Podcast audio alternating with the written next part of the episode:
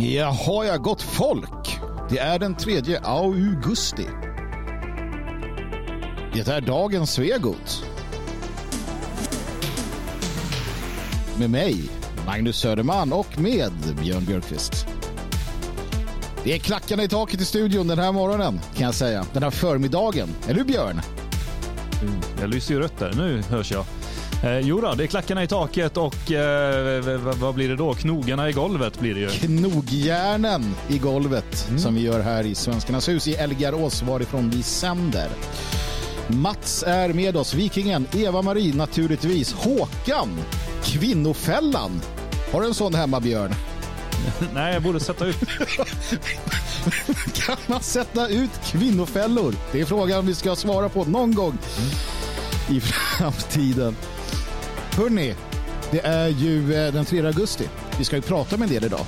Just det. SD och Pride. Har vi något mer? Abort. Aborter blir det mycket. Aborter. Det lät ju jävla bistert det här. Bränder. I direktsändning, ja. Svenska kyrkan tänkte vi orda lite om. Edvin, god morgon på dig också, kära du.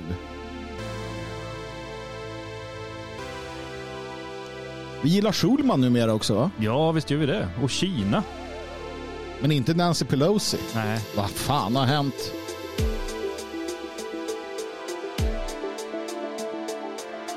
Sätt dig nu ner med en kopp kaffe eller ställ dig upp vid svarven.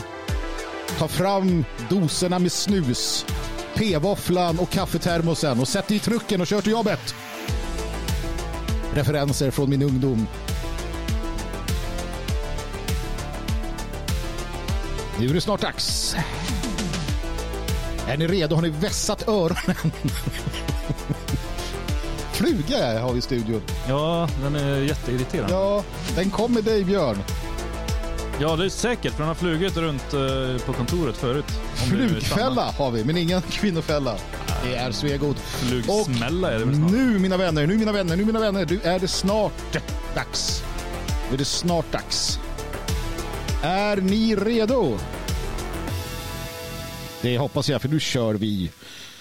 Välkomna som sagt till dagens eh, Svegot denna 3 augusti 2022. Magnus Söderman heter jag, står här i studion i Svenskarnas hus och med mig har jag Björn Björkqvist. Björn Björkqvist. Härligt att ha dig här. Är du laddad? Har du kaffe? Har du vatten? Har du allt du behöver? Jag tror jag har allt jag behöver. Du har allt du behöver. Det betyder att vi kan börja prata och börja resonera och börja analysera, underhålla, motivera.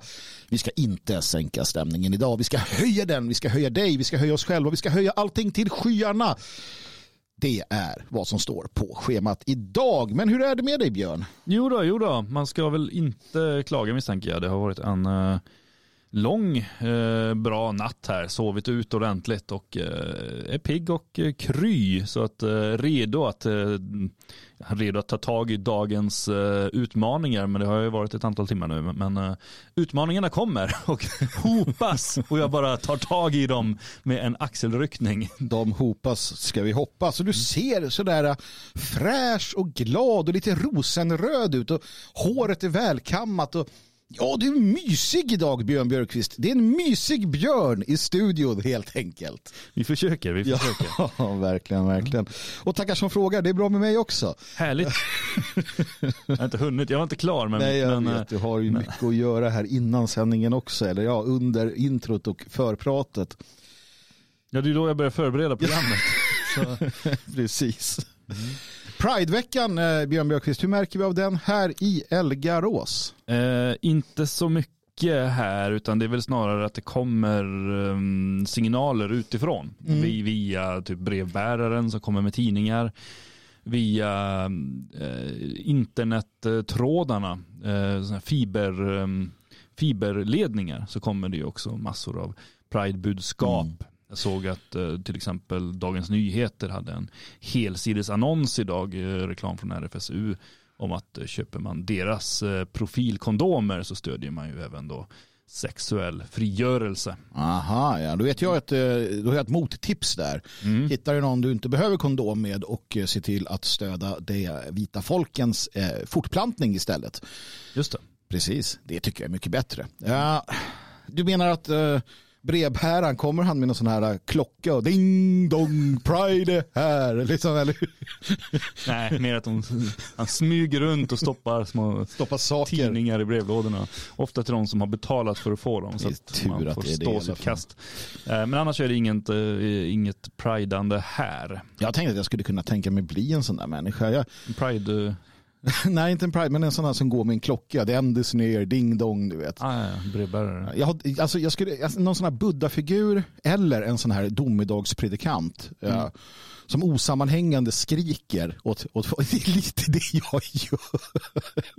Jag gillar de här annars i Sjunde inseglet som går och piskar sig själva. Ja, det skulle man också kunna tänka sig. Det hade ju varit något. Fast mer piska andra tänker Ja, jag. mer andra. Mer andra än sig själv. Det kan ju Ja. bli att man snärtar till sig själv någonstans då och Missa då. någon gång. Aj! Så förstår man hur ont det gör så är man lite snällare sen en stund. Det, det, absolut, så är det. Hörrni, igår kom det upp en Jallehorn, eh, en Jallehorn, eh, vad heter den här? På, på gamla och nya och hala stigar. Med Jallehorn och mig själv, då vi pratar om elände.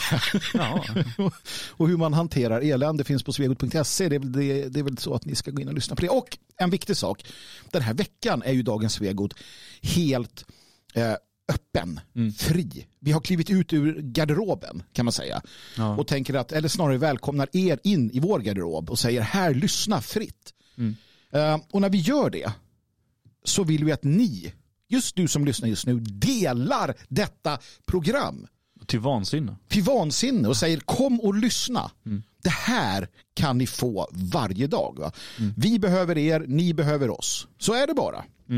Ja, Jo, det är ju jättebra om det sprids till eh, så många som möjligt så att vi kan eh, dels hitta nya människor som inte har någon, vet om att vi finns. För det finns sådana där ute. Man tänker ofta i sin lilla bubbla att eh, alla har ju koll på att vi sänder, det är bara att de inte vill lyssna. Men det är mängder av människor som dyker upp och bara oj, det här har jag aldrig hört talas om. Så att dela och sprid så gör ni en jättegod gärning. Precis. Jag ser att Timmy också lyssnar. Det är kul att Timmy lyssnar. Eh, han gillar vi, precis som vi gillar alla er. Vissa mer, vissa mindre antagligen. Viss, vissa av er skulle vi nog inte ens gå ihop med. Nej. faktiskt. Men eh, det är lugnt. Det är lugnt. Hej hej Expo också förresten. Naturligtvis Jonathan Lehmann sitter där och eh, spänner öronen för att se vad han kan klippa ut den här gången. Björn Björkqvist, jag tycker att vi börjar direkt här nu med att eh, prata Pride. Lite, eh, lite temat blir det ju för veckan och eh, vi fick ju nyheten att eh, Sverigedemokraterna inte är välkomna att delta i den här eh, partiledardebatten som eh, Pride arrangerar under den här Prideveckan. Mm. Man eh, står fast vid ett, eh, och det, har, för det har ju varit så här länge alltså. Jag tror att sen, sen i början ville inte SD vara med. Sen ville de mer än någonting annat vara med. Mm. Nu verkar det mer som att, ah, ah, ja, sådär. Man, man, man, det blir som en dans som upprepar sig. Det är som att förhållandet har gått in i vardagen. Att de Ja. vill vara med men Pride säger nej. Och det är inte sådär superspektakulärt men det kanske blir lite intressant om vi tittar på varför. Har du läst deras motivering? Ja, det, det, det är ju flera motiveringar får man ju säga. Men det var ju en lång, eller inte en lång, men det var ju en debattartikel i eh, Expressen. Där RFSL skrev. Och det här, det här måste man ju till att börja med egentligen ta, ta med att det är ju RFSL som är arrangören och inte Pride. Eh, Den sker under Prideveckan och RFSL är ju i högsta grad inblandade i själva Pride. Men de delar ju ändå upp det så här och det tror jag kan handla lite om tillstånden och, och um, bidragen. Ja, men vad är då, alltså Pride, är det är ett varumärke då? Eller det är en, det är en Ja, kampanjorganisation? Ja, ja, Pride är ju en förening men det, och de plockar väl in människor från alla möjliga håll och kanter i sin styrelse och sådär. Eh, får ju också mängder av ekonomiska bidrag och så. Mm. Sen så är det ju, jag menar all, alla som till exempel står och har sådana här svårt att välja orden när man pratar om Pride, man vill inte säga stånd, men eh, mar- marknadsbord.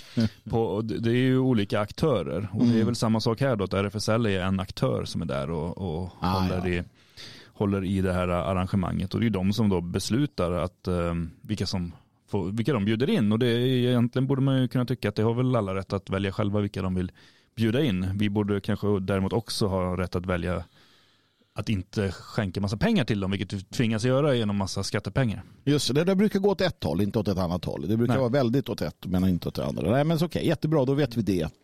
Eh, Men det de säger är, är ju att eh, Sverigedemokraterna är eh, ett eh, anti-hbtq-parti. Ja, De står inte upp för allas lika värde. Dessutom är de rasister. just det. Men jag tänker då. Ja. SD säger sig själva vara ett hbtq-parti som står upp för allas lika rättigheter och alla människors lika värde. Eh, det står ju här då att så här, Sverigedemokraterna för man, man skriver då så här, eh, när RFSL undersöker partiernas hbtqi-politik så placerar sig Sverigedemokraterna hopplöst sist. Partiet har varit emot alla reformer för hbtqi-personers rättigheter. Just det, det här är också värt att notera att det här är inte hbtq plus man pratar om. Nej. hbtqi. Ja, just det. Och, och de har varit emot alla deras, alltså varit emot reformer och rättigheter. Men alltså, är det, alltså finns det en, det finns ju homosexuella i Sverigedemokraterna. Jo ja. Ja, och, och då tänker jag så här. Deras talesperson i frågorna är ju homosexuell Ja, till exempel. precis. Nu vet jag inte om, om eh, Louis Ahmed är, är sverigedemokrat, men han är bög i alla fall. Ja. Eh, och, och han har ju inte det här problemet med Sverigedemokraterna. Det, det är inte så att hans stora problem är att Sverigedemokraterna någonstans är emot honom eller bögeri eh, generellt. va? Nej. Så att det känns som att det finns en, en politisk, och det är väl det jag vill komma till här. Det känns som att RFSL här, Pride, har en politisk agenda, en grundsyn som går ut på att ja, alltså alla de vänsterblivna partierna är okej, men SD är inte okej för de är inte tillräckligt vänsterblivna. Mm. Det är min känsla. Jo men visst är det så. Det är ju, de är ju vänstersinnade helt klart. Och jag menar tittar man på Sverigedemokraterna eh, så vågar jag väl hävda att väldigt mycket av det som RFSL Pride och liknande gick ut och kämpade för typ 98 när, när första Pride, eh, stora Pride-paraden ägde rum i Stockholm. Eh, det står nog Sverigedemokraterna bakom idag. Ja.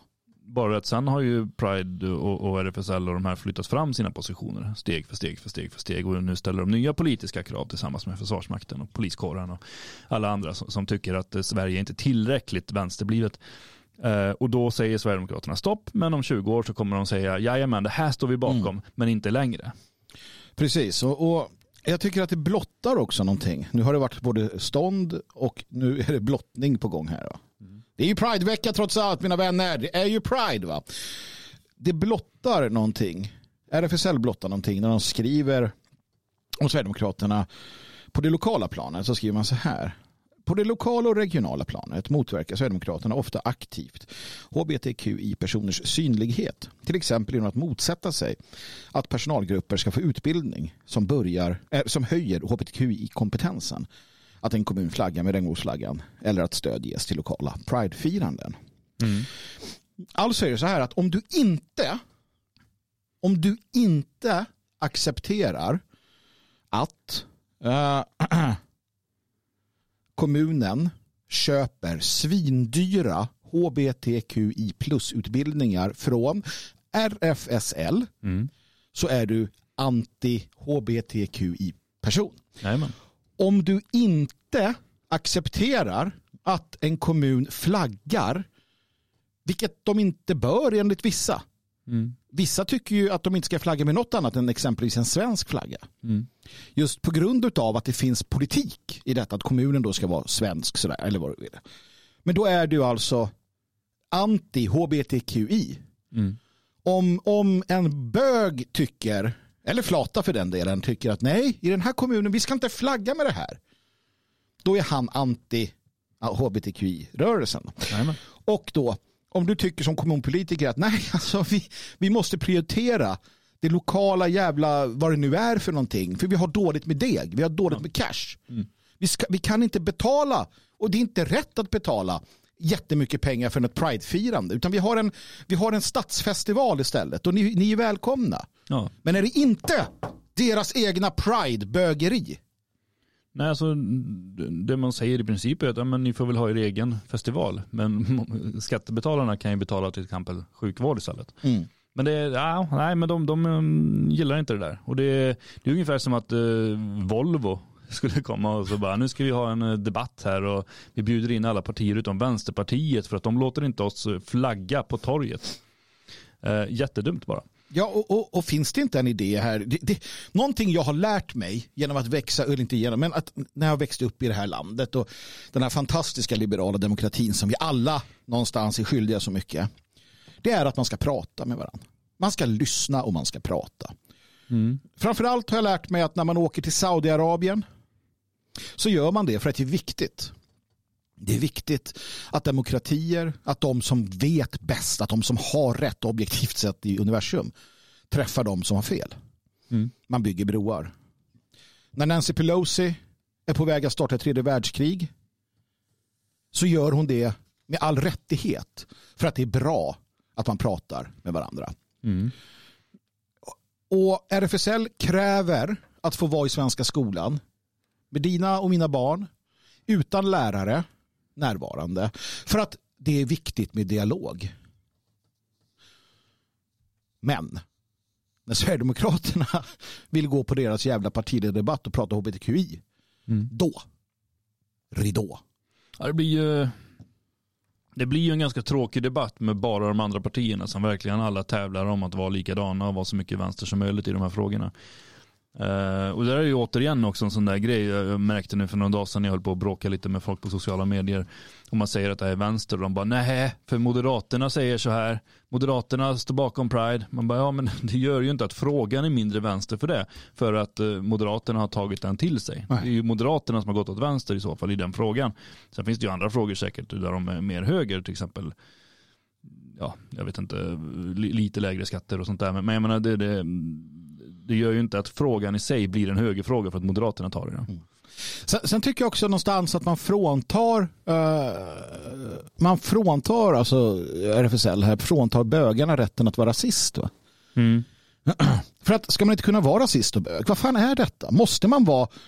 Alltså att, att vara bög då, ja, det, det är inte bara att jag vill ligga med män eller flata att ligga med, med kvinnor eller vad det nu är. Utan jag måste också vara mot rasism. Oh ja, oh ja. Och jag fattar inte riktigt det. För någonstans så säger det mig att det finns eh, bögar och flator som är rasister. Eh, eller ja, nationalister. Eller ja, invandringskritiska. Eller ja, du vet, skiter i vilket också för den delen. Mm. Men enligt RFSL så finns det en definition av vad en hbtqi-person är. Och återigen, kära homosexuella som lyssnar, i den mån ni gör det. Och jag vet att några gör det. Kan ni för fan öppna käften någon gång?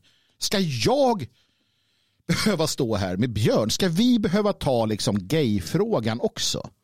Vi ska bli era förkämpar för att avpolitisera detta, eller? Är, är det schysst, Björn? Det är ju ohyggligt. är det? Det är ju inte vår, det är inte vår så att säga kultur. Nej, det blir ju fel på många sätt. Blir det.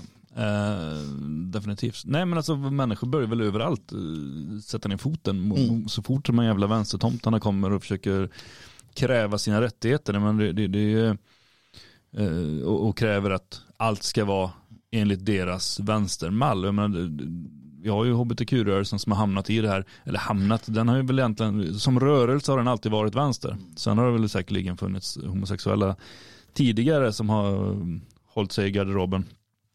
Eh, Men som rörelse är det en vänsterrörelse. Samma med eh, handikapp av olika slag är också vänstern har slagit klona i, i, i den formen av rörelse och organiserat människor att nu måste vi driva en stark vänsterrörelse för att det är bara, bara vi som kan ge de funktionshindrade möjligheter att ta sig fram i samhället. Fast egentligen är det precis tvärtom. För att sen när det väl blir vänsterpolitik då blir det massinvandring och sånt istället dit pengarna går.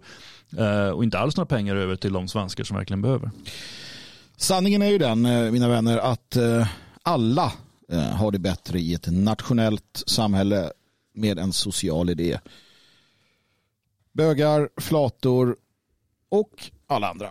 Men ja, det ska väl vara fan innan folk kommer på det. Du Björn, jag tycker att vi går vidare. Det är ändå det är ändå de här ämnena vi pratar om och då blir allting så aktualiserat. Det kommer bli mer av den här varan också. Vi ska prata lite om eh, Svenska kyrkan här om ett tag också. Men, men kommer du ihåg här för ett tag sedan Björn så eh, stod det stora braskande rubriker. Abort förbjuds i hela USA. Just det. Ja. Så jävla dumt tyckte de. Ett totalförbud Ja. blev det. Och det, mm, ja, hela det amerikanska folket var emot. Och ändå så, det, det var några sura Mm. domare som, som fick makten över hela USA. Gubbslem. Och de bara, vi förbjuder aborter sa de. Ja. Mm. Ha, eh, då går vi vidare till... Nej, men det här är faktiskt fascinerande för alla som eh, vill förstå hur det fungerar här i världen. Hur media fungerar, hur opinionsbildning fungerar och så vidare. För att det var det man sa. Uh, Roe versus Wade, den här kända domen då, som uh, i, i, så, det den domen gjorde när den kom för länge sedan, det var att den så att säga stipulerade att, att det är den federala regimen som, som så att säga, den federala regimen i USA uh, har rätten att kräva att alla delstater ska ha en viss abortlagstiftning. Mm. Det var vad Roe versus Wade Eh, stipulerade. Det vill säga att det, var, det låg bortom eh, folkviljan, det låg bortom politiken, det låg bortom allt, utan det är bara så att mödrar ska ha rätt att eh, döda sina barn i moderlivet, ergo göra abort. Mm. Och så har det varit tills Högsta domstolen med en konservativ majoritet nu, eller republikansk majoritet om man så vill, bestämde att nej, vi upphäver Roe versus Wade och säger vad? Jo, de sa det är upp till delstaterna att avgöra hur den lagstiftningen ska se ut. Inte den federala regimen. Punkt. Mm. Det var det man sa. Och eh, det spelade ingen roll för att sådana som RFSL och liknande gick ut. Pe pedofiler tänkte jag säga. Feminister var ju det jag menade. Med flera gick ut och sa att nu är det förbjudet, nu är det hemskt, nu är liksom allting eh, över. Och, och då tänker jag fråga dig då, Eh, Björn Björkqvist, hur ser det ut i till exempel Kansas? Ja, eh, där har det ju nu eh, pågått en liten kamp här ja. eh, mellan sidorna. Eh, den ena sidan ville ju, nu läser jag på Sveriges Television ja. och de är lite luriga. Alltså. Det, det är ja. svårt här, men det, det de säger i rubriken till exempel är att Kansas väljare skyddar aborträttigheter, mm. stoppar förbudslag. Uh, och sen skriver de att uh, det var på gång ett uh, nästan totalt förbud. Och sen lite längre fram skriver man att det var det nog inte alls. Nej. Utan de ändrar sig lite då och då under artikelns gång här. Men, men i alla fall så, så blir det inget abortförbud. Utan fram till vecka 22 är det fritt fram att skrapa ut det lilla livet. Mm. Jag trodde att det var förbjudet med aborter i hela USA efter eh, domen från HD. Det var det alltså inte. Utan det som händer är att eh, de olika delstaterna nu eh, Eh, kan fatta egna beslut om detta. Vilket i en, federalistisk ehm, eh, statsbildning som ändå USA är, är liksom säga, grunden för detta. Det vill säga att, eh, att, att delstater och också countyn och, och, liknande ska ha egna jurisdiktioner och möjligheter att fatta egna beslut.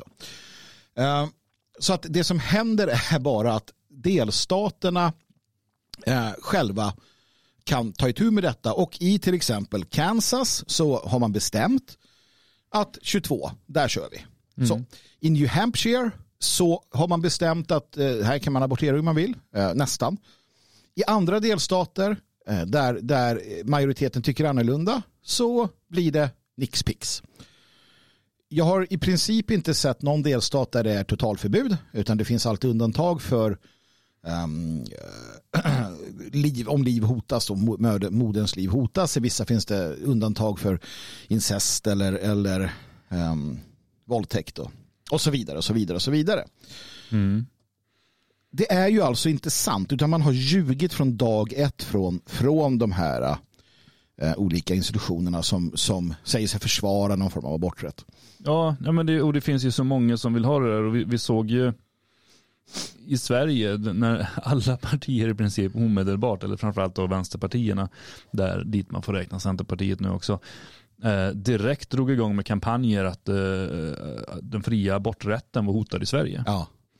Eh, för, för, att USA nu hade förbjudit det. Eh, och, och, man märker även Sveriges Television vilken, vilken sida de står på. För nu när de slår på stora trumman så säger de att en majoritet av invånarna i Kansas röstade på tisdagen nej till rättslig åtgärd. Sen längre ner står det att det var nästan 50 procent som röstade. Då är det inte en majoritet som har röstat för utan nej. en majoritet av de hälften som röstade röstade för eh, eller mot då ett abortförbud. Ja. Så det, det är ju väldigt eh, alltså formuleringarna man håller på med, det är ju så tydligt att allt är genomsyrat av politik. Mm. Det går inte att lyssna och lita på det, det de säger, det de påstår. Vilket är tråkigt för att det hade varit mycket, en mycket trevligare debatt i samhället om det inte var så att vi tvingas betala för statsmedia som sen håller på med politisk propaganda. Mm. Nej, sen kommer sådana här saker som eh, att man skriver att i, i grannstaterna Oklahoma och Missouri är aborter nu nära på totalförbjudna. Och så sent som i lördags införde Indiana en ny rigid lagstiftning på området. Men vad betyder detta? Alltså, mm. aborter är nu nära på totalförbjudna. Ja. Jaha. Är det så att så här, ja, efter vecka då är den totalförbjuden? Ja, men det är nära på totalförbjudet för det är bara några veckor.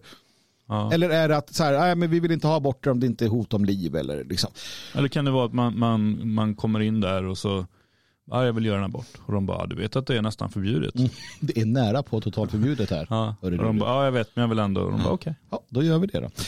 Uh, det är fascinerande hela det här ämnet. Det är ett osmakligt ämne kan jag tycka också. Uh, jag, uh, jag blir illa berörd um, av bilderna jag ser. Mm. för att det jag ser är framför allt då kvinnor som eh, med, med, med förvridna ansikten av ilska, alternativt nu då eh, jublande glada mm. över detta beslut. Alltså kvinnor är jublande glada över att det är fritt fram att döda sina egna barn utan i princip i vissa fall då någon som helst liksom diskussion innan det gör mig jävligt illa berörd. Det, det får mig må ganska dåligt måste jag säga. Jag, jag, jag, har full förståelse för problematiken. Jag är beredd att diskutera. Eh, jag, jag, jag kan till och med sträcka mig så långt och säga att det kan eh, finnas skäl då eh, aborten kanske är det enda, enda som är liksom, eh, acceptabelt. Men den här glädjen, den här aktivistiska glädjen för att så här, ja, nu kan en, en, en ung tjej äntligen utan att behöva liksom någonting få göra abort. Jippi vad kul, härligt, underbart. Och Planned Parenthood som säger att vi ska minsann se till att ordna abortresor så att du kan få åka till en annan delstat för att fritt göra abort. För det är oftast det det handlar om. Mm. Och med det då i, i åtanke en, en, en äldre svensk studie som visar att eh, i Sverige så minst 40 procent av alla aborter sker i trygga, stabila familjer där man familjeplanerar medelst abort. Det vill säga att man har pengar, man har social status, man har ett tryggt äktenskap, man har ett förhållande och man väljer 40 procent av aborterna i Sverige. Då väljer man bara att göra abort, alltså att, eh, att, att avsluta ett liv för att det inte passar. Och det ska vi hylla. Det ska vi glädjas åt. Jag kan inte det.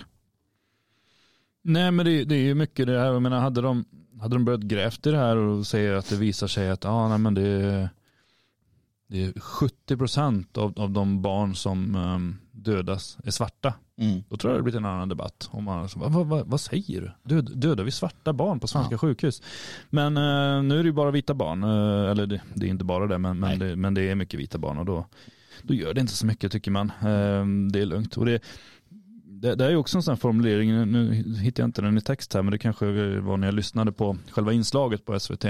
De sa det att ja, nej, men det kommer också bli mm, svårt med de här abortresorna. Mm. I och med att uh, en del har ju sådana chefer som inte låter dem åka iväg. Mm. Så man bara okej, okay, men vi, vi har byggt upp den här bilden av att vi har ondsinta chefer som vill ha, som, som struntar i, i kvinnornas uh, väl och ve och, och, och, bara vill att de ska jobba, då borde det vara lättare att skicka iväg dem en helg för att göra en abort än att de ska gå och få barn och vara borta mm. i ett år sedan. Jo, precis. Och de, de, äh, de här människorna som, som äh, är för den fria aborten, fullständigt fri abort, vilket jag inte, jag, jag, jag, begriper inte att man kan vara det. Ärligt talat, jag gör inte det. Men de är också oftast samma människor som är väldigt mycket emot dödsstraff. Mm. Och ena sidan, ena veckan så åker du och demonstrerar utanför ett fängelse där en barnvåldtäktsman eller en mördare eller en, eh, vad det nu kan tänkas vara, något jävla avskum, något avskräde ska avlivas i lagens namn. Det är emot, tycker att nej, så ska det inte vara. För att nästa vecka åka och demonstrera och skrika dig hes för att det ska vara fullständigt fritt utan diskussion att avsluta livet på ditt eget barn i, i, i, moderlivet. Eh, det, det, är för mig helt orimligt. Va? Det, det är någon, någon, form av masspsykos. Mm. Ja, och som sagt, jag blir jävligt illa berörd av det här. Jag tycker inte det är lätt att prata om heller. För att, för att det, det, det borde inte...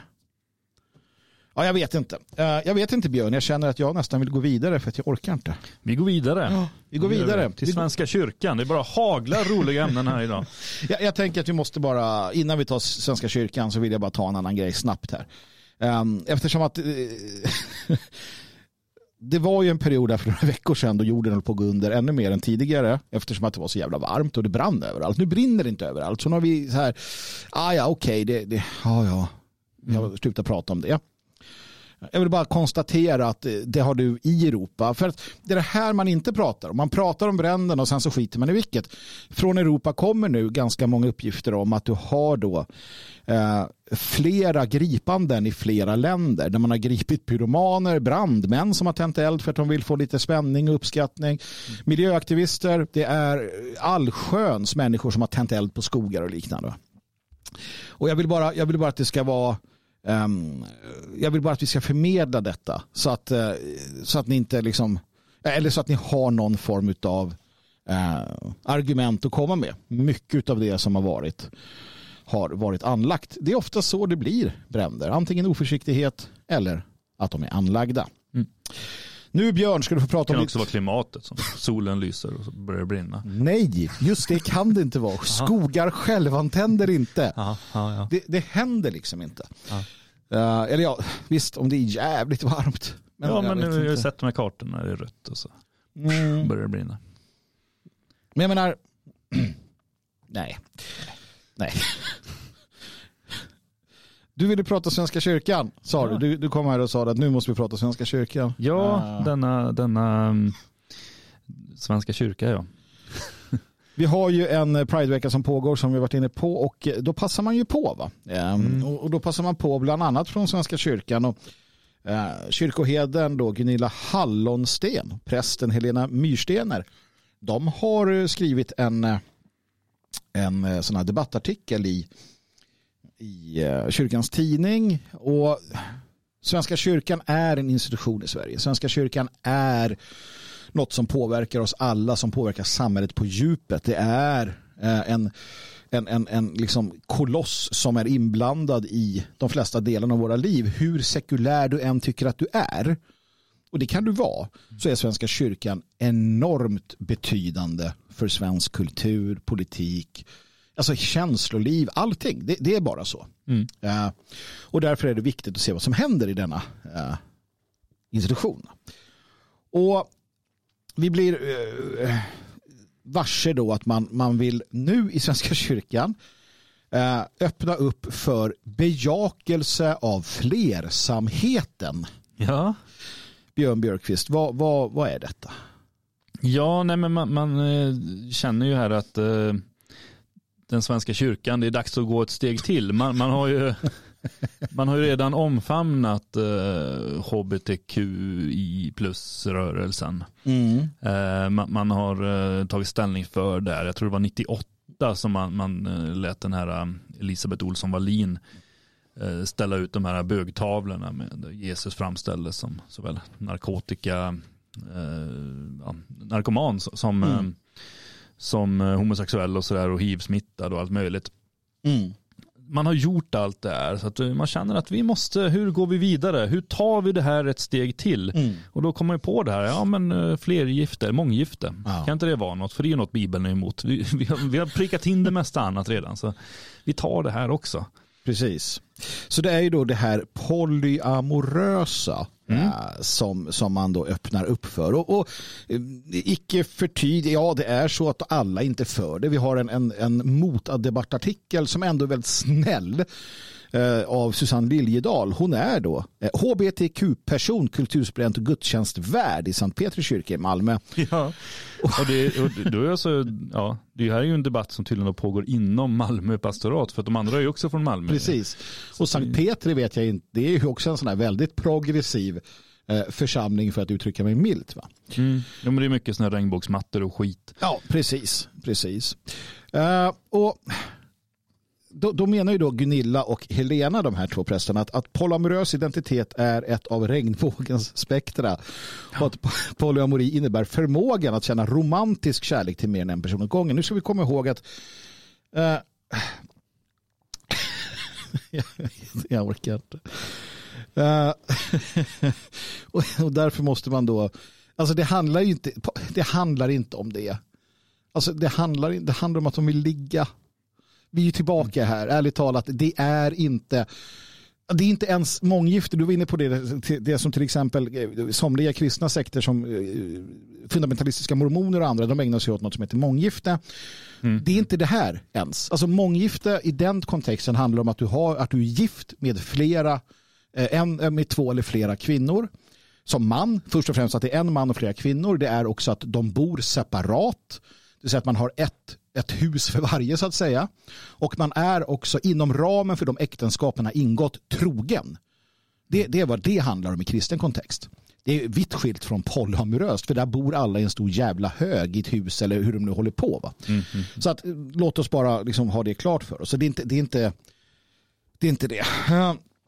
Och, och då, då, då, menar ju den här då att, att alltså det man gör från de här två personernas sida det är att måla upp det här som någon sån här Uh, gudomlig, liksom, uh, gudomlig relation. Man hänvisar till att titta på treenigheten i harmoni och kärlek. Så därför kan liksom två karar och en, en kvinna bo i ett hus och ha 16 ungar och bara eh, sova i samma säng. För det är precis det som treenigheten handlar om. Alltså, det går väldigt långt här kan jag tycka. Uh, mm. Väldigt långt. Mm.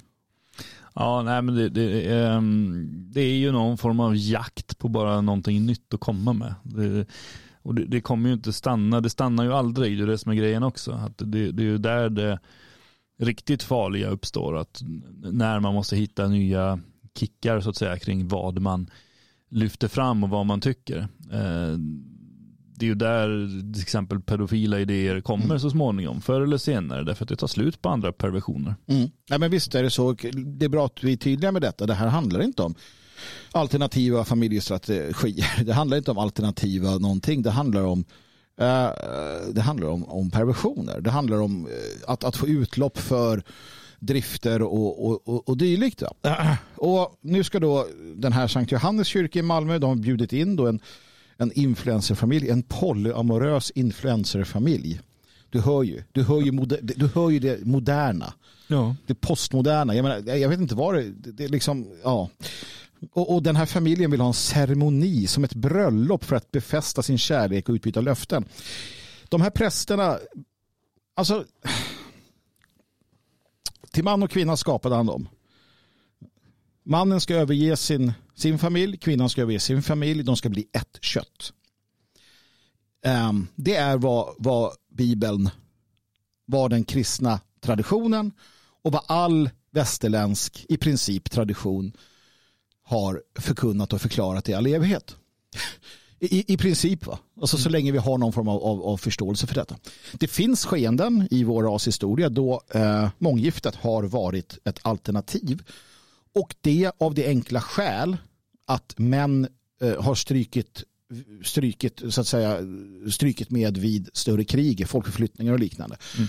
Då har det kunnat hända. Det har också hänt att, att eh, så att säga, dåtidens stjärnor i form av hövdingar eller krigherrar, krigsherrar tar en eller flera fränkor och så vidare. Eller en eller flera, um, hette inte fränkor va? Jo det hette det. Ah, ja. Skitsamma, bihustrur eller liknande. Men det, det som är vår grej är och har skilt oss från, från andra det är det här eh, man och kvinna.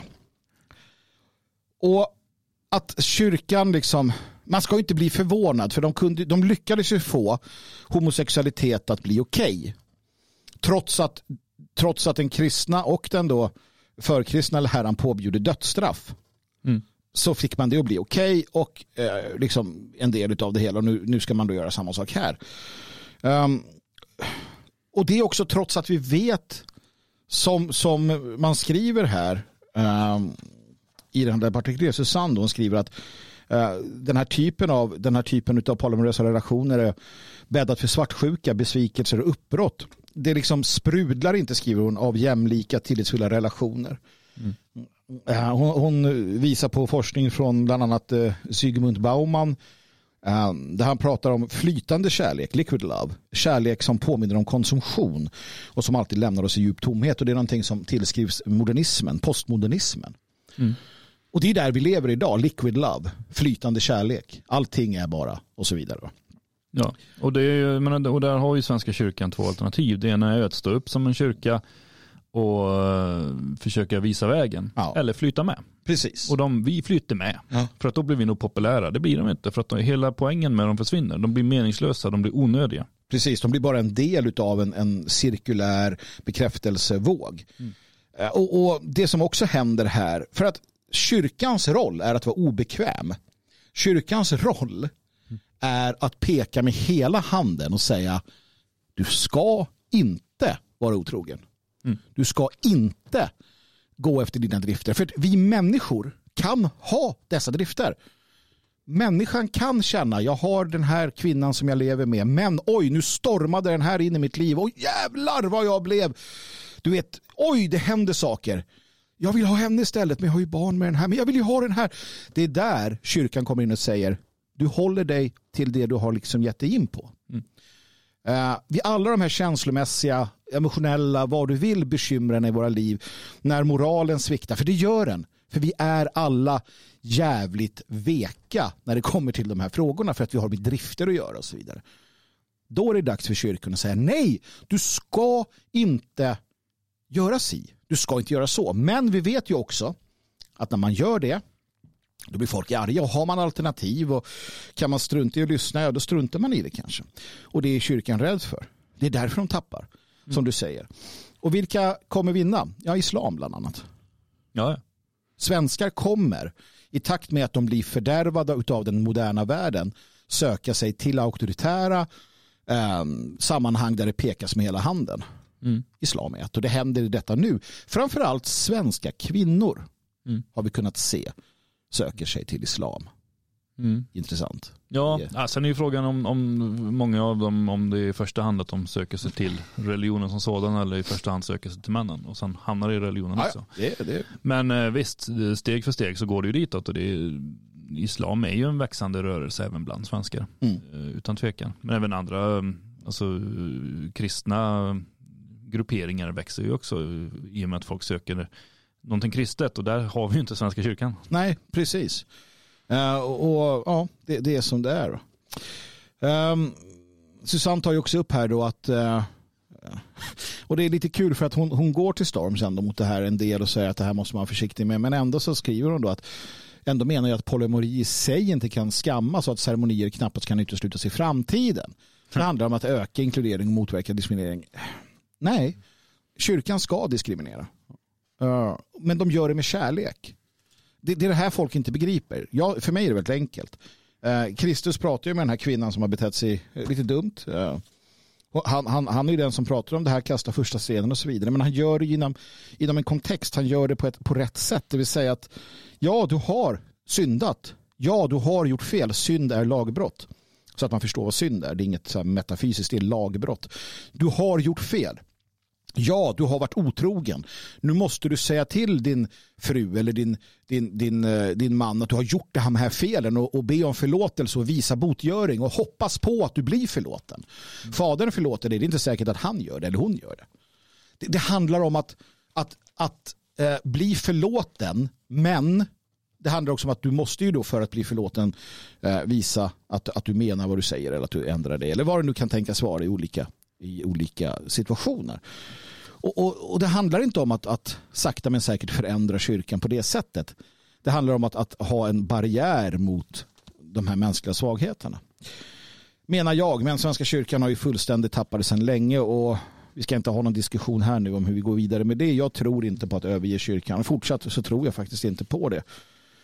Uh, jag tror att uh, det finns andra vägar in och jag vet att det finns andra som tänker så också och uh, försöker på olika sätt och vis att påverka. Vad tänker du där? Björn?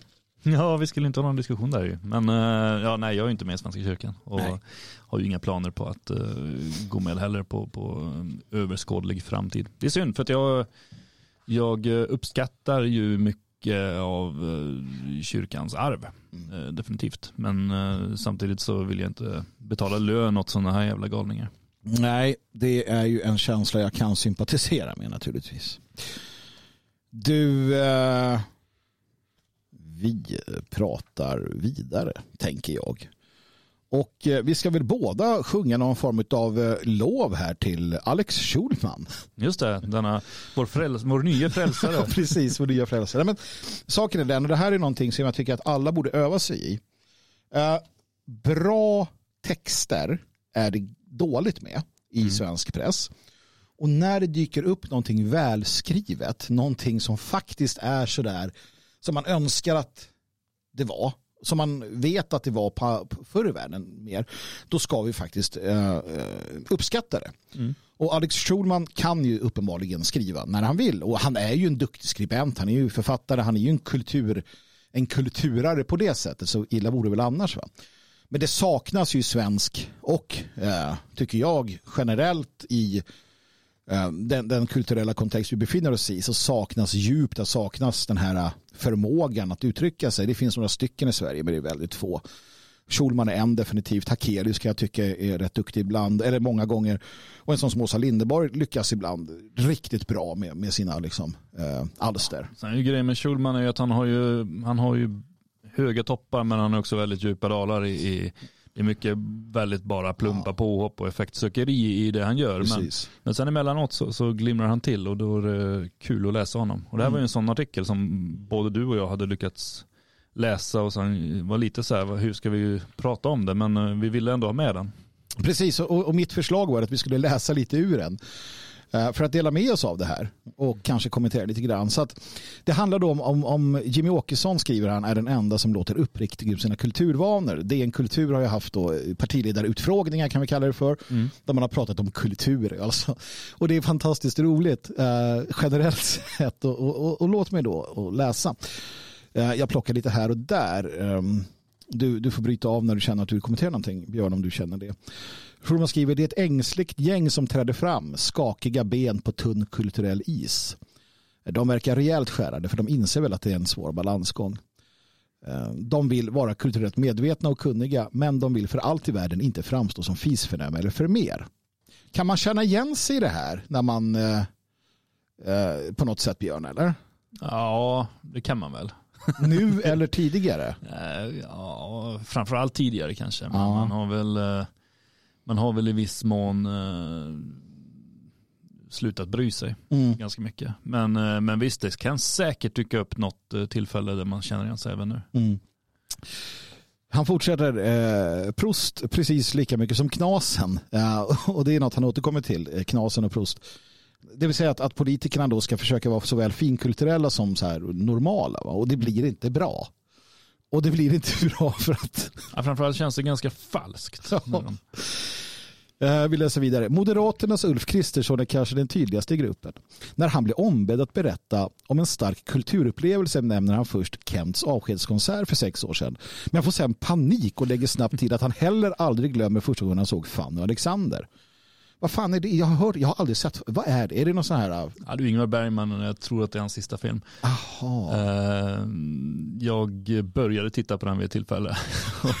den var så tråkig. Man har Ja. sett sådana scener där de typ Nej, det är nog scener ur ett äktenskap jag tänker på. Nej, Okej. men, ja, men Fanny Fanny och Alexander är samma stil. Jag tror jag började titta på båda dem och sen bara nej. Jag gillar ju, jag kan ju uppskatta en del av Bergman, eh, alltså Sjunde inseglet och sådär, men det här, ja nej, inte alls något som för mig. Nu är det några år sedan, jag kanske Ja. hade ändrat mig om jag tittar på det nu, men, men när jag tittade på det förra gången så det var för finkulturellt för mig då i alla fall. Och det finns ju en stor chans att Ulf Kristersson bara, vad fan är det här? Ja. Men han säger det i alla fall. Högt och lågt, fint och fult, alla ska med. Och så där fortsätter det, skriver Alex Schulman. Eh, när han ska nämna två lovande kulturskapare säger han eh, först Miriam Bryant och sen den mer okända, kulturellt tyngre Felicia Takman. Jag känner inte till någon av dem kan jag erkänna, men, men jag, jag liksom känner igen det här. Mm. Och när DN vill att han berättar om vilken kulturövare han tycker varit viktigast för Sverige svarar han först Ingmar Bergman och i nästa sekund ABBA. Yeah. Prost och knaus, kna, knausen, knasen alltså på samma gång. Eh, jag får uppgifter från chatten, Fanny och Alexander, sju timmar lång. Ja, är den så lång? Jag hade för mig att den var tre timmar, men den är, ja, den är fruktansvärd. Det känns som att den är på tok för lång i alla fall för att, Mm. för att någon ska orka bry sig. Eh, det, det är kul det här. Det här är fantastiskt. Att kultur kan vara så roligt. Alltså jag är så själaglad åt Schulmans artikel. Ja. Ehm, några av svaren är så anpassade att de framstår som inte bara löjliga utan helt obegripliga. Magdalena Andersson får frågan om vilken kulturutövare som varit viktigast för Sverige och svarar. Vad svarar hon Björn? Har du det framför dig? Alla lärare i den kommunala musikskolan. Så jävla dumt. Det- och Schulmans kommentar.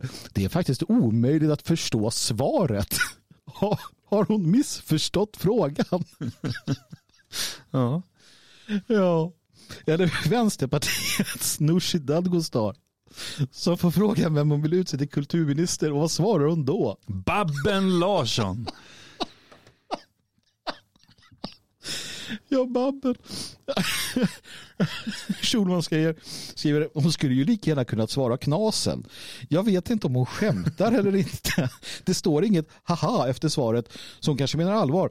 Hon kanske tycker på riktigt att Babben skulle vara kanon. Eller är det passivt aggressivt hån mot Babben hon ägnar sig åt? Hon hatar Babben. Ja.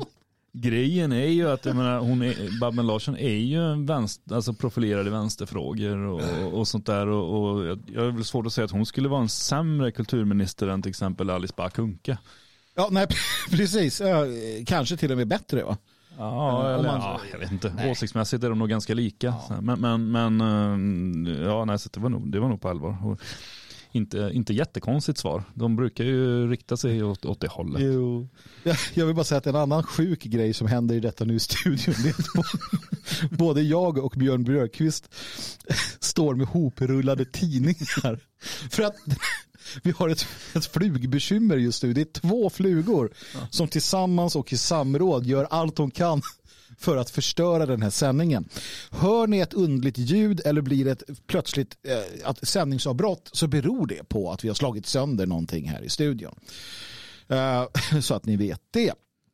Eh, ja, Märta Stenevi då? Hon, eh, hon älskar opera. Tror du att hon gör det eller tror du att hon säger det? Eh, ja, det kan de väl göra. kan hon ju säkert göra. Va? Det är väl inte omöjligt. Och innan vi går in på vad Jimmy Åkesson sa så, så är Liberalernas Johan Persson kanske det absolut bästa utav allt. Vi läser. Eh, mest illa ute är väl Liberalernas Johan Persson som i kölvattnet av DNs intervju blev intervjuad av Aftonbladet och ombads att berätta vilken av de franska författarna han föredrog mest. Holbeck eller Proust? Och svarade att han läste dem i skolan men att han inte är så insatt i de författarna längre. Finns det något problem med det här Björn Björkqvist? Ja, inget problem som jag reagerade på när jag hade kommit så här långt Inte i jag texten. heller, inte jag att, eh, jag är... Prost känner man ju till, den andra har jag ingen aning om vem det är. Nej. Eh, Holbeck, det är ju han eh, som har skrivit de här lite anti-PK-böckerna. Någon holländare tror jag han är, i Belgien. Skitsamma. jag Ja, missat ja. det. Ja. Eh, ja, problemet är i alla fall att eh, han hade inte skrivit några böcker när, när Johan Persson gick i skolan. Nej. Så Johan Persson ljuger ju bara. Ja, han blir ju missförstådd säger han. Ja, för att någonting annat kul händer ju här. Det är att... ja, Björn, vad händer? De kan inte bara släppa igenom det. Han, han klantar sig. Nej, de skickar ut en, en rättelse, ett pressmeddelande, eller ja, en rättelse till, till eh, Dagens Nyheter, eller vilken tidning det var, Aftonbladet. Aftonbladet, där, där de eh, påpekar, så det kommer in en fotnot eh, till eh, artikeln där, det står Johan Persson har i efterhand påtalat att han eh, sa att han inte speciellt inläst på om han läste de nämnda författarna i skolan.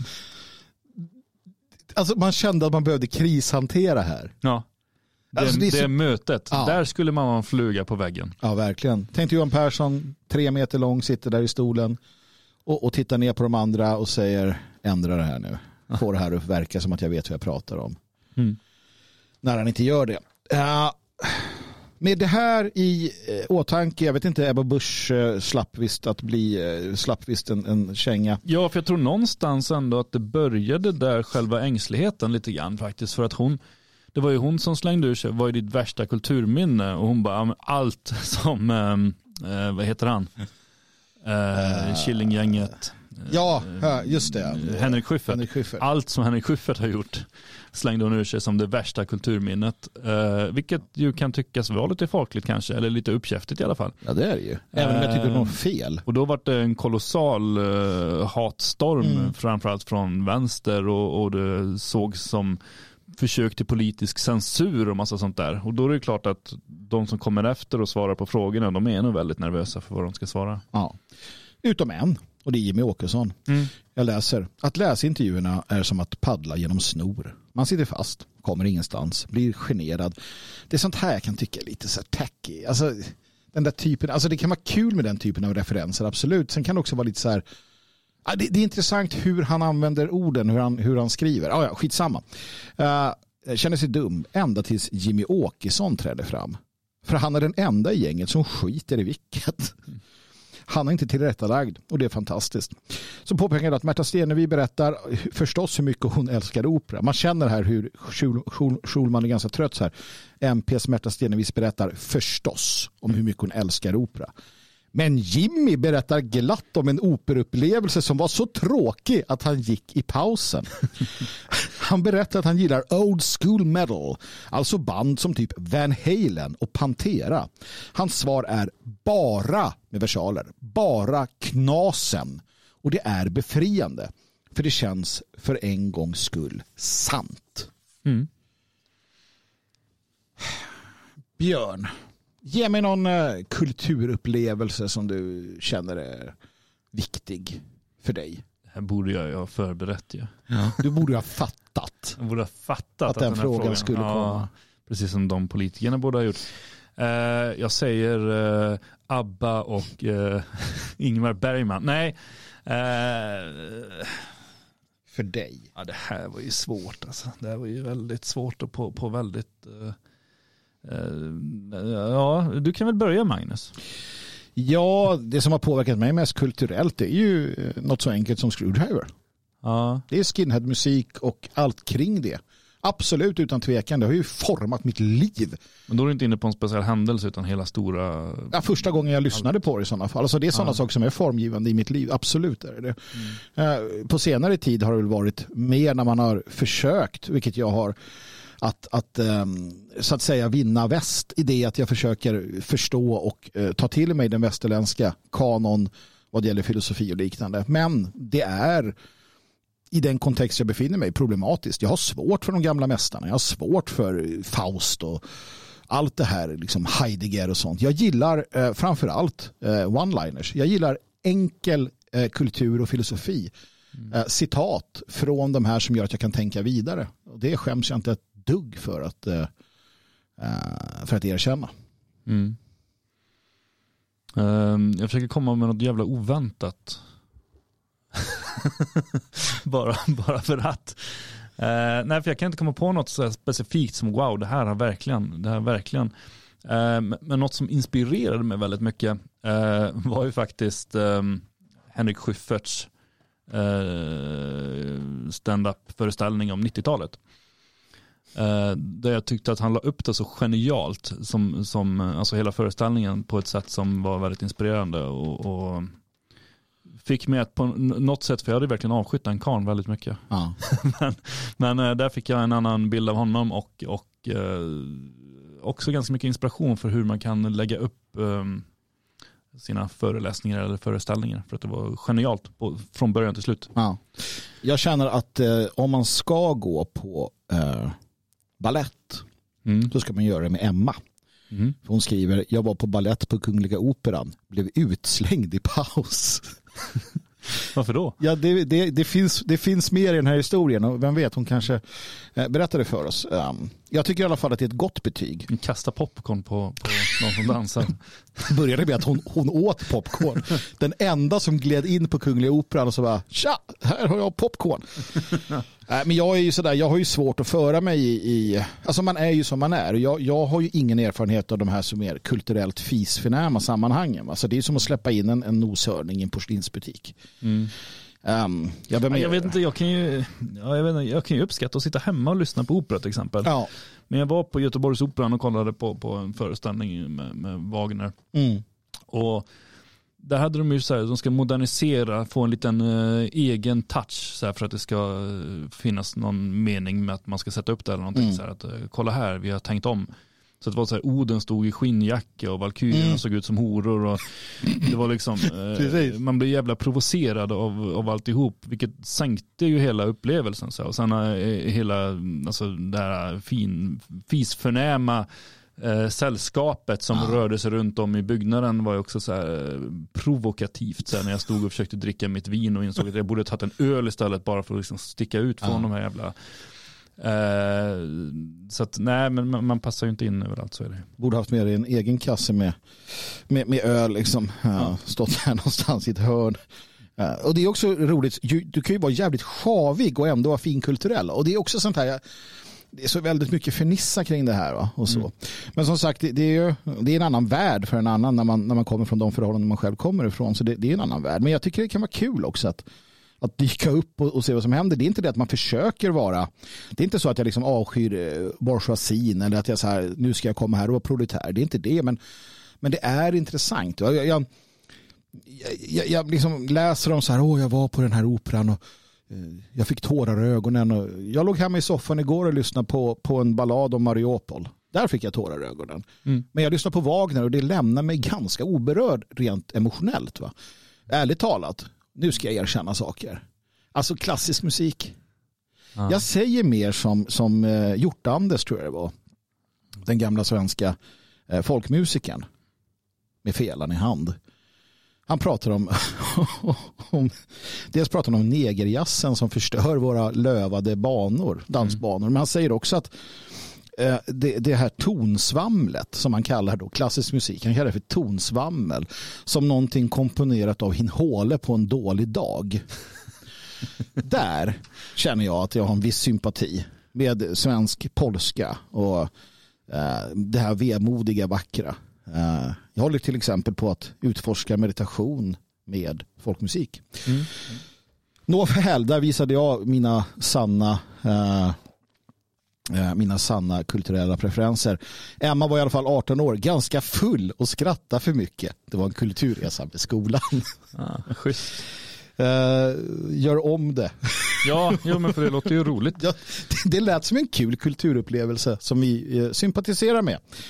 Naturligtvis. Eh, uh, ha, Björn, har du något mer du vill säga om det här eller ska vi gå vidare till den stora frågan som vi ska diskutera och prata om? Nej, nej jag, jag, jag kan ju hålla med om eh, jazzen, men jag gillar, jag tycker om klassisk musik, det gör jag. Däremot ingen expert. Jag är inte så här så jag kan sitta och prata om det som alla andra, utan jag kan eh, slänga på en slumpmässig skiva som jag inte har en aning om vad det kommer att vara. För att jag, jag har köpt massa klassiska, sen slänger jag på det, sen bara, "Ah, det här känner jag igen och så gillar jag det, eller så det här känner jag inte igen och så lägger jag bort det, så glömmer jag bort det och så slänger jag på det Ja. ett år senare. Ingen aning vilken kompositör som låter, ja Wagner kan jag ofta identifiera, men de andra blandar jag ihop hej vilt. Jag, jag gillar Per Gynt eh, en del Mm. av den här för att det har jag hört i en reklam som jag sen hörde i en sån här flashmob som var populärt förut. Mm. Då man på Danmarks, äh, Danmarks tunnelbana, nej, tunnelbanan i Köpenhamn på en linje så sitter de, det här, sånt kan jag bli jävligt berörd av. Jag vet inte vad det är, den här typen av kultur. Ja. Då sitter de och åker här tunnelbanetåget, alla är sådär jävla nedstämda och så börjar någon spela på sin fela. Och alla bara tittar och bara vad är det för jävla dåre? Och sen så kommer någon med någon jävla bastuba. Och så nästa, nästa så byggs det upp. Till sist sitter hela, hela, hela halva, de har ju dragit ut en hel jävla symfoniorkester som sitter där och spelar. Va? Och folk blir så här, wow. Du vet, de blir så jävla berörda på plats. Och så filmas det och då blir jag berörd. Har också sett sådana, sett sådana flashmobs som får en hel station att dansa. Jag vill ha fler flashmobs. Ja, nej, jag håller med. Vad slår tog de vägen? Liksom? Nej, jag vet inte. Det, det var... Ska vi göra en? Jag tror att det inte alls blir samma grej. Nej, vi, ja. Det blir, vi ska ha ett argt tal mot invandring här. Liksom. ja, Så, Jag jaha, vet det vart bråk. det är svårt för oss att hantera instrument som vi inte kan också. Ja, verkligen. Man skulle bli mer kulturell ibland. Ja, ja, skitsamma. Så är det med den saken. Eh, jag ser inga, inga större ilskna utbrott från våra lyssnare angående våra erkännanden om vår bristande finkultur. Nej, då får vi hitta på något mer då. Precis. Vi, Jag tror eh, vi, det mer hade blivit jävligt problematiskt om vi hade sagt typ att vi hatar Eddie Meduza eller något. Ja, då jävlar.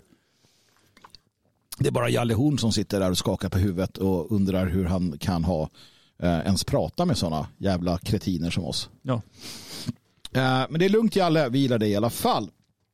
Jag vill att vi pratar om hur bortskämdheten, eh, von oben-perspektivet och sån här kärringaktig trots tillåts definiera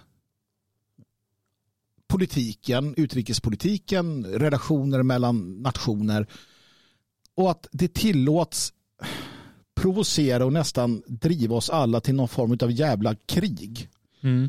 Uh, och jag vill göra det i skenet av att Nancy Pelosi, uh, den tredje viktigaste kvinnan i världen i den mån att hon är då uh, talman i representanthuset. Då Mm. tror jag. Alltså tredje efter presidenten. Presidenten, vicepresidentens Alltså den tredje viktigaste människan då. Ja, den tredje viktigaste människan. Så blir. Jag tänkte tredje viktigaste kvinnan. Jag funde- funderar på Ja. vilka.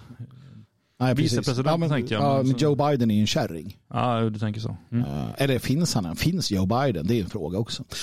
Uh, strunt samma. Eh, hon har vi ju kunnat följa nu då. hennes resa till Taiwan. Taiwan och Kina är inte helt på vänskaplig fot. För att uh, Det beror ju Kina... på vem man frågar. Kina tycker jag att det, finns inga bekymmer här. Nej, precis. Det är ju bara att det är Kina som heter lite annorlunda och ska vara Kina. Ja. De har bråkat mycket och länge. Och så läckte då informationen om att Nancy Pelosi, och, och vet ni vem hon är så, så gör det lika ont i era hjärtan som det gör i mitt hjärta. Eh, och eh, hon, det, det läckte ut att hon planerade att resa till Taiwan. Mm. Um, och, och någon egentlig mening med det finns inte. Man har från USAs sida visat sitt stöd för Taiwan. Man, man, man beskyddar delvis Taiwan. Man eh, har den här brickan i sitt spel med Kina. Man har diplomatiska kontakter. Det har varit representanter där och så vidare. Men det är en jävla skillnad mot att Nancy Pelosi åker dit. Mm. Och jag blir så jävla arg. Va? För att hon sitter där och tänker att jag ska minsann, jag ska minsann åka till Taiwan. Ja. Och så här, amerikanska armén sa det här är en dum idé Nancy. Gör det inte, alltså det här är dumt. Jag ska. Och Joe Biden bara. Sådär. Mer viskande kanske. Ja, vi... Men fuck off old perb, sa hans son. Ja, och liksom alla sa nej det är ingen bra idé och hon sa jo jag ska dit. Mm. Ja, och amerikanska flottan sa okej vi mobiliserar hela jävla, vad var det, fyra hangarfartyg. Det är ju typ allt. Så, så, ah, du vet. Det här kan, och, och, och Xi Jinping, tror jag han heter, eller liknande, sa att det, det här blir fan. Alltså, gör det inte. Det här är inte bra. Mm. De bara, oh. Och hon bara, jo, för jag, jag kan. För att jag, så här, hon är beredd att kasta hela världen i krig, att döda amerikanska soldater, eh, att, att förstöra allt Mm. för att hon ska få åka dit. Det, det här att ja, bara fler kvinnor får vara med i politiken så blir det bättre. Jag tror inte på det. Ja, det är ju inte alla gånger så. Så nej, Nej. så är det ju inte. Och det här är, jag menar, det är ju dessutom, jag menar, det, det är ju ganska så osannolikt att eh, Kina skulle ställa till ett helvete just när hon var där. Ja. Utan sannolikheten är större Att hon har åkt därifrån. Ja. Att man sticker dit och kanske avrättar lite ledare. Man, Och det kan man ju tycka är synd. man ställer till ett kaos för, för Taiwans eh, liksom, lokala motstånd. Att de väntar alltså. Ja, att man eh, avvaktar och, och sen gör det. Och, och det, det lämnar ju henne fullständigt, alltså hon struntar ju totalt i det där. Mm. Hon bryr sig inte. Så bara, ja, men det gör ingenting för att jag har visat hur jävla god jag är. Jag Ja. har visat att jag står upp för den här befolkningen som sen får ett helvete när hon har stuckit. Det är ju det som är extra så här, jag menar, det är klart hon kan åka dit och ha fyra örlogsfartyg i ryggen. Mm. Så bara, vågar ni göra något eller? Ja, precis. Ja, men precis. Va? Ja, och, det, är så vi, det är så världens mäktigaste nation militärt sett i alla fall då för, för diplomati numera. Mm. Det, det, är helt absurt. Det, det, är, det är den här klick...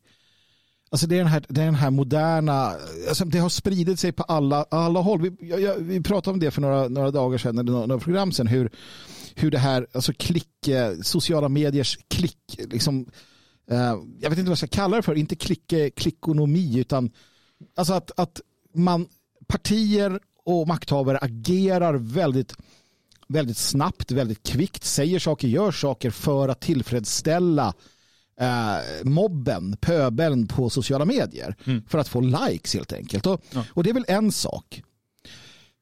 Eh, att, att människor gör det. Men när Nancy Pelosi beter sig så, eller när andra med makt och inflytande beter sig så, vilket det här är, Mm. trots, och alltså det här gör hon för att hon ska trotsa, för att hon ska minsann visa patriarkata gubbar i Kina att nu jävlar. Det är sånt här som svenska politiker skulle kunna göra också. Jo, jo, men för det är ju det att hon offrar ju ingenting egentligen för sig själv. Nej. Hon kan stå där och bara, ah, kolla här, vi står minsann upp. Det hade ju varit, hon kunde lika gärna bara ha tryckt, eh, eller inte tryckt, utan kört, ut en bild på sociala medier där de står med en skylt. Mm. Dumma Kina. Och så hade det inte blivit något mer. Nej, precis. Hon ska åka dit och härja och ha sig, riskera mängder av människoliv, riskera att det kan till och med bli ett storskaligt krig eller bojkottskonflikter och sånt där me- mellan eh, de två största supermakterna i världen. Mm. Det är ganska så olyckligt kan man tycka. Ja, verkligen. Och vi, vi liksom... Vi, eh, vi befinner oss i en situation då det är väldigt spänt. Mm. Alltså du har kriget i Ukraina, eh, Rysslands invasion, du har Kinas roll i detta som är eh, tvetydig. Man hjälper Ryssland ekonomiskt men man försöker hålla sig på god fot med väst. Vi har liksom en massa andra oroshärdar.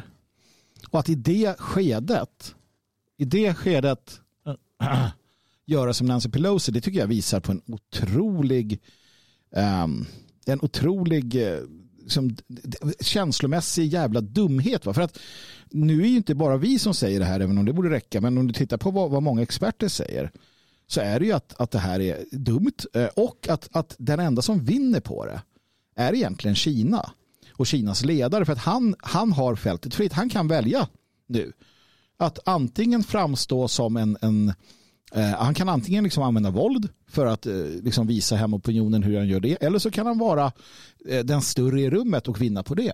Mm. Eh, men han får också skäl att, eh, att visa att USA gör så här. Och jag menar, eh, vilka fick vatten på sin kvarn? Jo, de som säger att USA provocerar. Mm. De som sa att USA provocerade Ryssland i Ukraina får ju vatten på sin kvarn. Nu kan de säga, titta här, Nancy Pelosi åker dit för att retas. Och det är ju det det handlar om. Ja. Och, och många kanske tror att det finns en större plan. Jag tror inte det. Jag tror att det är så här du gör när du sätter känslodjur, eh, känslomänniskor, känslodrivna. Och det kan vara båda könen. Eh, Det är ditåt vi går idag. Men när du sätter sådana på viktiga positioner, sådana som drivs av känslor, ja då får du det här kaoset. Och det är därför också du har eh, ett problem i att, att väst på sikt inte kan vinna. För att i Kina och i Ryssland till exempel så drivs man inte av känslor på det sättet. Mm. Deras utrikespolitik eller inrikespolitik drivs inte av liksom känslor och, och nycker på det sättet som det gör i västvärlden. Så att hon tar sig rätten att spela med allas våra liv. ja, ja. ja. Och det, det känner jag liksom är någonting som det kanske borde pratas lite mer om och någonting som borde lyftas helt enkelt. Mm. Nej, men alltså, det vore ju väldigt intressant om Kina bara drog iväg några missiler när hon var där. Så. Ja. Vad hade hänt då? USA hade varit tvungna att svara. Det Ja. hade blivit uh, fullständig, uh, fullständigt kaos i hela världen. Precis, och, och Och jag menar, och då, då kan man ju säga, ja, men vad fan Kina, vad gör det? Men gå hem och titta på dina grejer. vad har du för någonting som inte är från Kina längre? ja, I, i princip allt tillverkas ju där. Från komponenter i datorer Ja. och sånt där till i mobiltelefoner, till kläder, till, till allt. Mm. Nej, och det är just den här också. Jag ha- Jag hade förstått om väst, eh, alltså Pelosi med flera hade haft en, en så här, ja, men vi ska först göra oss självständiga från Kina. Mm. Vi ska först klara att Europa, så här, vi ska först klara eh, liksom, vår egen försörjning med, med eh, energi. Ja, och att vi ska på västsidan då slu, sluta ha tillverkning och så i Kina. Och sen kunna liksom avgränsa dem och sådär. Men det är inte det man gör. Man bara Nej. man bara liksom så här, äh, vi ser till att starta alla de här kaos, eh, krig och kaos och elände. Ehm, och det här utnyttjas som sagt av då Ryssland. Det var ju därför de kände sig trygga att gå in i Ukraina. Mm. För att de visste att de hade en del kort på handen. Ja, och, och tror att de kan liksom spela svälta räv med oss. Att de tror att de kan vinna. Återstår att se. Och återstår att se hur det här kommer sluta också. Men det, vi, det jag vill någonstans eh, förmedla det är att de här politikerna de de har den här synen som jag tror var Henry Kissinger, gamla utrikesräven. Han sa det att alltså, soldater är bara brickor i ett spel. Jag Mm. skiter i dem. Mm. Det är hennes syn, det är politikernas syn, det är Magdalena Anderssons syn. Du och jag, och våra barn och allting, det är bara brickor i deras spel. Mm. Det här är psykopater, det här är maktfullkomliga liksom svin. Eh, Det är vad eliten utgörs av. Um, som använder oss för att liksom tillfredsställa sina personliga maktfullkomliga lustar eller för att leka med oss, ha som labbråttor i sina experiment. Som sagt, det är liksom halva flottan sätts på standby redo att kämpa och dö. Tusentals amerikanska män och kvinnor står redo att dö för att Nancy Pelosi vill åka till Taiwan. För det är vad det Mm. handlar om. Ja. Vi kan inte ha det så här. Vi, vi, vi, måste, vi, måste, vi måste säga nej, säga ifrån. Och det gäller inte bara oss, det gäller alla. För att det är bara så länge vi ger eliterna makt över oss som de har makt över oss. Det räcker med att säga nej. Om alla bara nej, vi tänker inte gå med på det här. Mm. Så få folk att säga nej, kära lyssnare. Ja, och sen sätta ner foten varje gång någon jävla självgod idiot kommer och ska, ska godhetssignalera. För att jag menar, det, det, det är ju det det här handlar om och det är lika illa vart det än sker. Bara att det här är på lite högre nivå. Mm. Men alltså när det sitter batikhäxor och berättar om hur bra det är med invandring och själva bor någon annanstans där de slipper stöta på det. När, när, alltså all, alla former av godesignalering som går ut på att andra ska lida och man själv bara ska framstå som väldigt snäll och god. Bara sätt ner foten, tryck ner dem. Ha inte med dem att göra. Nej, precis. Jag menar den, den, den röda draken kan vi ta ett nappatag med om det skulle behövas. Jag har inga problem med det. Jag har inga varma känslor för, för den, den liksom, eh, växande världsmakten. Jag är helt övertygad om att de har ett, ett expo, expan, att de vill expandera, att de vill härska, det vill alla imperier. Eh, Men det gäller också att vara klok. Det gäller att inte drivas av känslor. Att känna så måste ju saker skötas snyggt. Men vad fan, Kina skulle väl slått ner på 50-talet. Ja men precis. Nu har precis. vi så här gött dem, vi har lärt dem hur man bygger industrier, vi har liksom tagit hit dem och visat så här bygger vi bilar. Så åker de hem och bygger egna bilar. Vi har, vi har skickat dit människor nu. Det är massor av svenskar i Kina som håller på och bygger upp industrier åt företagen för att aktieägarna tycker att det är mycket billigare där borta. Eh, och, och, och, och sakta men säkert så flyttas allting dit. Kunskap sakta men säkert dör ut i Sverige. I viss mån så finns det kvar därför att vi har så pass högintelligenta människor här som, som ändå behövs så att svenskar åker runt i världen och lär upp andra hur man, hur man bygger fabriker i Mm. Kina och även Indien och Afrika. Eh, det här måste vi sluta med. Vi måste se till att fabrikerna finns här. Vi måste se till att det är här vi skapar, det är här vi producerar, inte bara att det är här vi tänker ut saker. För att då blir vi jävligt beroende av de här drakarna och det är livsfarligt. Så Den är det. röda faran. Den röda faran. Den definitivt. gula faran heter det ju. Ja, gula faran får det bli. Eh, Björn Björkqvist, jag känner att eh, vi har annat att göra också denna dag. Eh, jag tackar er alla som har lyssnat. Hoppas att ni har blivit både informerade, eh, motiverade och underhållna utav oss. Om ni tycker att vi gör ett bra jobb, ja, men gå in på svegot.se och bli stödprenumerant. Den här veckan är det eh, provsmakningsvecka vilket gör att du kan skicka runt de här programmen till alla och säga lyssna här, hör vad bra det här är. Och eh, som sagt, se till att bli prenumerant om du inte är det, svegot.se. Besök också detfriasverige.se. Där kan du ta reda på om du kanske tillhör, borde tillhöra vår gemenskap och Logik förlag som har bara bra böcker på logik.se. Glömde jag någonting Björn? Nej, fick med precis allt. Jag fick med precis allt och tackar som sagt er alla för att ni lyssnade. Nu så fortsätter resten av dagen och vi hörs igen imorgon samma tid. Tack för oss.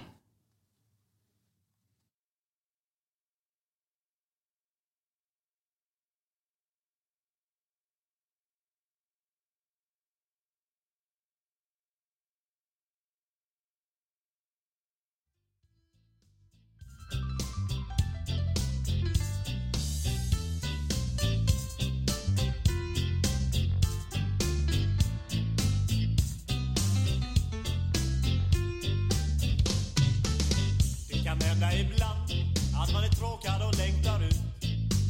Det kan hända att man tröttnar på det man gör. Man kan känna sig deppad och vill att livet ska ta slut. Allt man ser är tristessens gråkulör.